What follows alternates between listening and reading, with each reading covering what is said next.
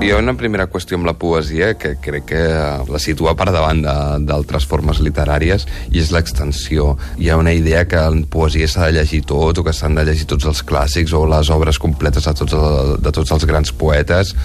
Eh, jo considero la, que la poesia és un món molt obert, molt divers, en què hi ha mil maneres d'aproximar-se a l'escriptura poètica i que cadascú ha de trobar la seva porta. És a dir, ha, a mi m'agrada, pensant de vegades en alguns amics, en què penso, aquest autor els agradarà. I de vegades doncs, sí que puc pensar, hòstia, mm, Walt Whitman és un autor que tothom hauria de llegir o que to tant de bo tothom el disfrutés.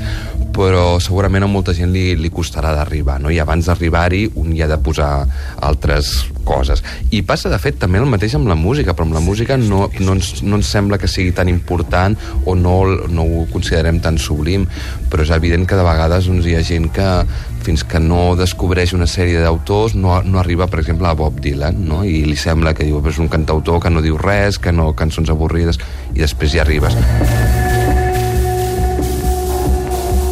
i després hi arribes i òbviament no en té res d'avorrit Bob Dylan, molts han entrat a la poesia directament llegint-la d'un llibre, eh, d'altres eh, sentint-la sentint eh, un poeta declamar o fins i tot una, una persona mm, que el busca fent-li, dedicant-li un poema i recitant-li sota el balcó, no? per això suposo que algú s'hi ha trobat, jo no, eh? He tingut... també vivia en un setè pis i era complicat. En fi, eh, estem segurs que on més la disfruten molts és en la seva comunió en la música. De fet, a nosaltres ens agrada molt la poesia, sobretot quan eh, hi ha una, un diàleg entre música i els versos, no? El poeta en si pujat a dalt d'un escenari. Si és que no tota la música són versos, no? I és poesia. Clar, és veritat. Doncs aquesta veu que sentíeu és la de l'Eduard Escofet, poeta català, mm, poeta sonor, una eminència de la poesia i músic de la paraula, molt proper a l'espoken word, musicalment també al món de l'electrònica. With whatever passion and cruel lucidity I could bring to bear, I always wanted life to be naked. I always wanted ecstasy.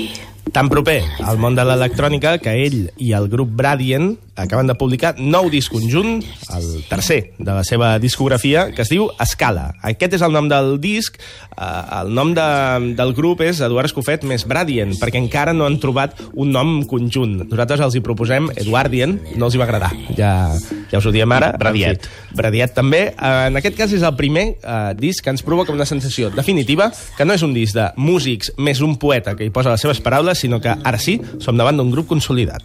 sempre ha estat la idea que mai sigui així, sinó que sempre la idea va ser intentar fer una cosa junts, no nosaltres i ells, sinó tots junts.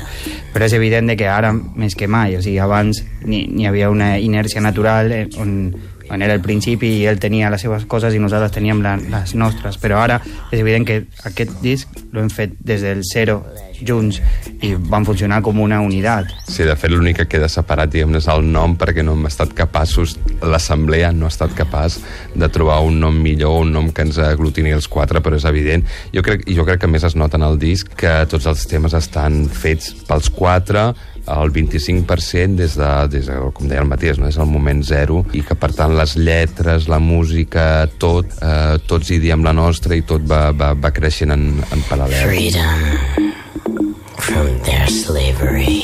Hem sentit Matías Rossi, sí, uh -huh. uh, un era l'Escofet, l'altre és Matías Rossi, un dels músics de Bradient que toca de tot, eh? guitarres, uh, percussions, teclats, sobretot sintetitzadors i moltes màquines uh -huh. en els seus directes. Doncs amb un Eduard Escofet fent veus impossibles, esteu sentint? En aquesta, aquesta veu diu que és ell imitant la poeta Lídia Lange. Imitant-la o fent-ho igual, eh? Costa de creure, eh? De, de tan bé com, com ho fa, perquè els crèdits, de fet, consta Lídia Lange. Pleasure. Bé, sigui o no sigui l'Escofet imitant la Lídia Lange, el que sí que sabem és que ella, aquesta poeta de Nova York, vinculada a l'escena de la No Wave novaiorquesa, Glenn Branca, eh, etc, col·labora en aquest disc dels Bradin i Eduard Escofet. Mm, Una altra de les veus poètiques il·lustres és la de la poeta brasiler Arnaldo Antunes. Per tant, ja veieu que sembla que en Bradien i Eduard Escofet hi cap tot, o com a mínim hi cap molta cosa, eh, perquè tenen referents de diferents puntes del món, des de Nova York fins a Brasil i, òbviament, poetes d'aquí, de Barcelona. El que ens destaca més, eh, la veu i els instruments, és que tot és un. La veu, de fet, de l'Eduard Escofet, i això li plantejava el Matías, funciona com un instrument més. disposes d'un sol cos, única oportunitat. Sigues fort. Aquesta era la intenció. La intenció era com tenir diferents registres de veu, no tenir, no tenir la veu i la música, sinó utilitzar la veu de diferents maneres. Per exemple, utilitzar-la també com un instrument, no només per a, no, no un instrument de relat, sinó un instrument sonoro. I sí, i també era un poc una mica la intenció de que, de que, de que no hi sigui tota l'estona només dient, sinó que també sone de diferents maneres durant tot el disc. Però també ens, ens van relaxar amb això, o sigui, tampoc era com una intenció de, ah, com aquí fem això, en altra volem fer una cosa diferent, sinó d'una manera més, més ben natural. Era com utilitzar totes les possibilitats que teníem eh, tenint en compte d'això, de que volíem utilitzar la veu de diferents maneres. Expira. No aspiris.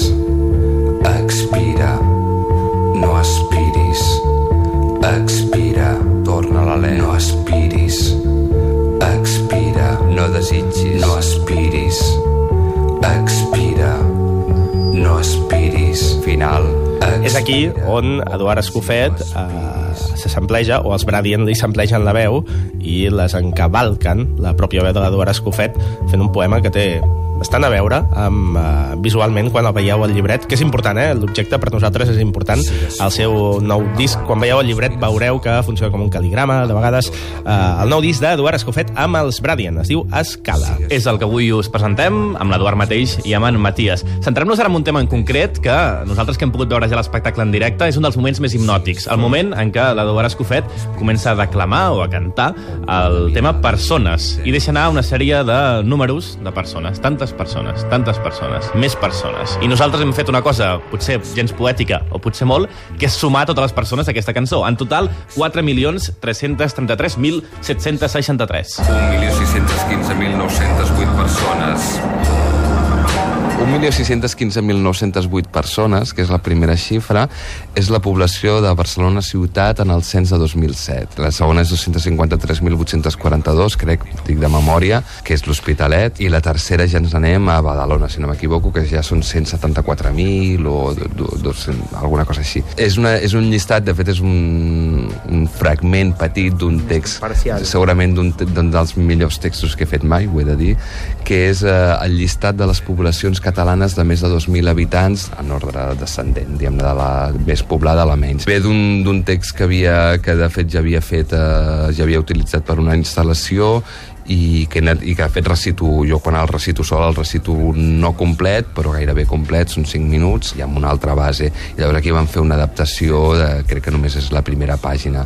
Val a dir que eh, vull saludar des d'aquí els, els veïns de Riu d'Arenes, que té 2.002 habitants, que és el, el, la població que tanca aquesta, aquesta llista. Més 32.903 persones, més 32.750 persones, Doncs de Barcelona a Riu d'Arenes uh -huh. surten 4.336.763 habitants de Catalunya. Òbviament, com que fa només la majoria de poblacions, surt aquest número parcial dels habitants de Catalunya en aquesta cançó titulada Persones. Una cançó on tots són xifres, però que ens pot transportar a moltes eh, altres idees, perquè aquí es parla d'urbanisme, de sobrepoblació, d'ecologia... De fet, hi ha tota una seqüència de temes que van des d'aquest que és sobre la sobrepoblació a la idea de la sobreproducció de llibres, la idea de- d'aturar les impremtes, d'entendre que no cal fer més llibres, no cal fer més literatura, sinó que el món, el paisatge ja és un llibre obert, per tant, no hem de llegir llibres, hem de llegir el paisatge.